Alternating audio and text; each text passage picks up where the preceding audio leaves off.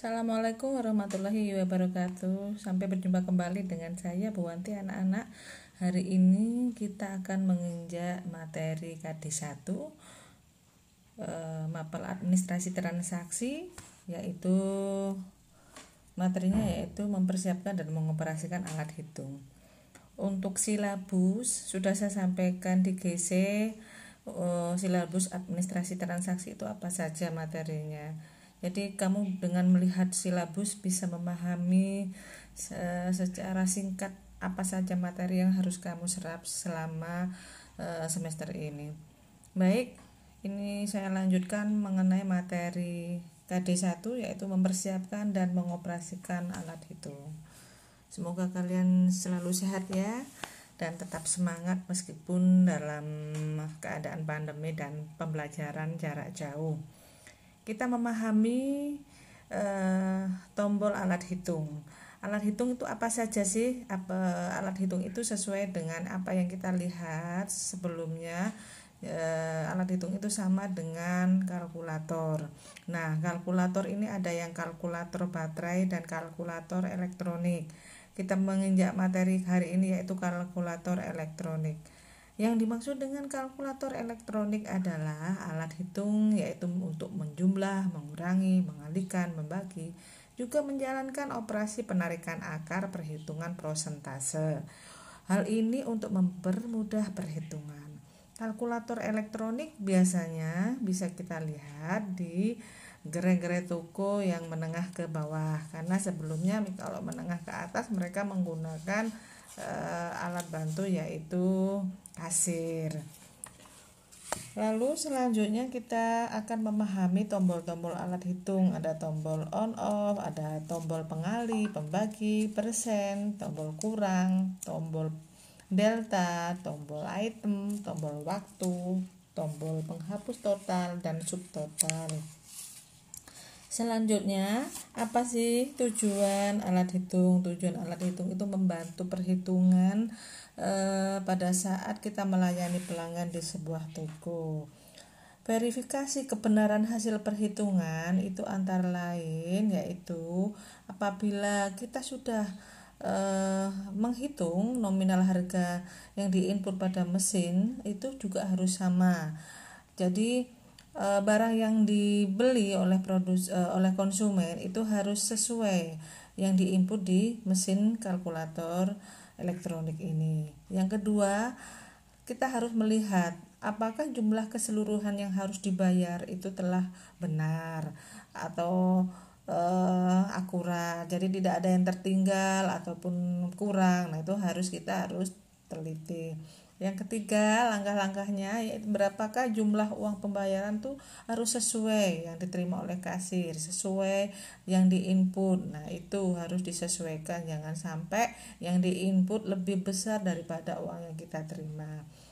Lanjutnya yaitu apakah ada pengembalian uang kepada pelanggan atau konsumen. Jadi setelah membayar konsumen ke kita, ke kasir, Nah, itu kita lihat uang nominalnya lebih besar daripada yang dibayar atau bagaimana. Apabila yang lebih besar dari apa yang dibayar itu otomatis harus ada uang pengembalian dan uang pengembalian harus sesuai.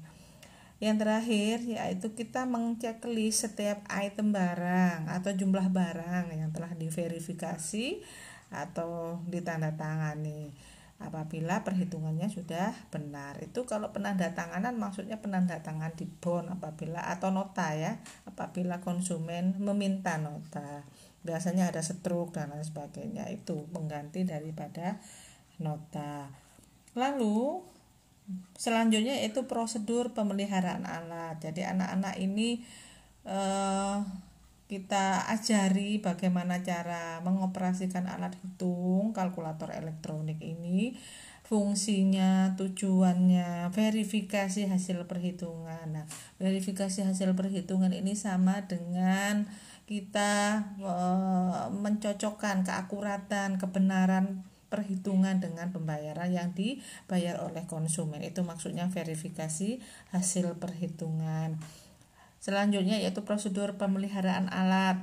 Nah, prosedurnya kalau sudah dipakai alat harus dirawat kita harus bersihkan menutupi dengan pelindung mengganti pita mesin kalkulator apabila tertinggal sedikit atau habis lalu pada setiap bulan sekali harus e, dibawa ke ahli teknisi perusahaan untuk diperiksa apa ada kerusakan atau harus diganti kalau umpamanya harus diganti atau tidak layak pakai, maka harus diajukan untuk penggantian mesin. Yang terakhir, setiap alat itu harus punya kartu pemeliharaan alat. Materi selanjutnya yaitu melaporkan kerusakan alat hitung apabila ada kerusakan sesuai dengan prosedur. Kepada siapa saja alat hitung ini apabila ada kerusakan kita e, laporkan kepada satu kasir. Nah, kasir ini e, orang yang pertama sebagai pengguna alat hitung dan harus bertanggung jawab atas perawatan dan pelaporan kerusakan apabila rusak harus segera dilaporkan. Yang kedua, teknisi perusahaan ya habis dari kasir dilaporkan ke teknisi ke perusahaan apabila ada e, alat hitung yang rusak atau bagian-bagian alat hitung yang rusak. Ketiga, kita harus juga melaporkan ke pimpinan. Pimpinan harus tahu kalau ada alat yang rusak. Lalu kita lanjutkan ke bagian keuangan. Nah, kalau ada alat yang rusak otomatis kan kita mengeluarkan biaya. Nah, kita harus melaporkan ke bagian keuangan biar mereka tahu berapa biaya yang harus dikeluarkan untuk mengganti eh, mesin yang rusak ini. Terakhir bagian sarana dan prasarana ya. Ini bagian sarana dan prasarana akan membeli dan menyediakan komponen yang diperlukan untuk memperbaiki alat hitung. Terakhir materinya alat hitung yaitu sikap-sikap sesuai standar operasional prosedur untuk mengoperasikan alat hitung apa saja. Satu, kita harus cermat. Jadi anak-anak apabila menjadi kasir nanti harus cermat satu harus cermat cermat itu apa konsentrasi agar tidak ada kesalahan tidak melamun tidak bermain tidak memikirkan hal sesuatu yang tidak ada hubungannya dengan pekerjaan. Itu namanya cermat. Jadi fokus maksudnya. Yang kedua teliti. Kita harus teliti. Hati-hati. Memasukkan barang yang dibungkus dicek dulu. Dalam spesifikasi produknya dibeli itu harus dibungkus sesuai dengan spesifikasinya produknya. Atau letris atau letris sendiri. Sembako sembako sendiri. Apabila hal ini sudah bagus otomatis tidak akan ada komplain dari pelanggan.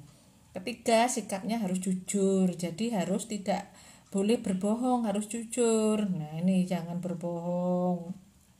Berbuat baik memberikan informasi kepada pelanggan tidak e, membuat-buat ini. Dan ini akan dipercaya akan menimbulkan kepercayaan kepada pelanggan.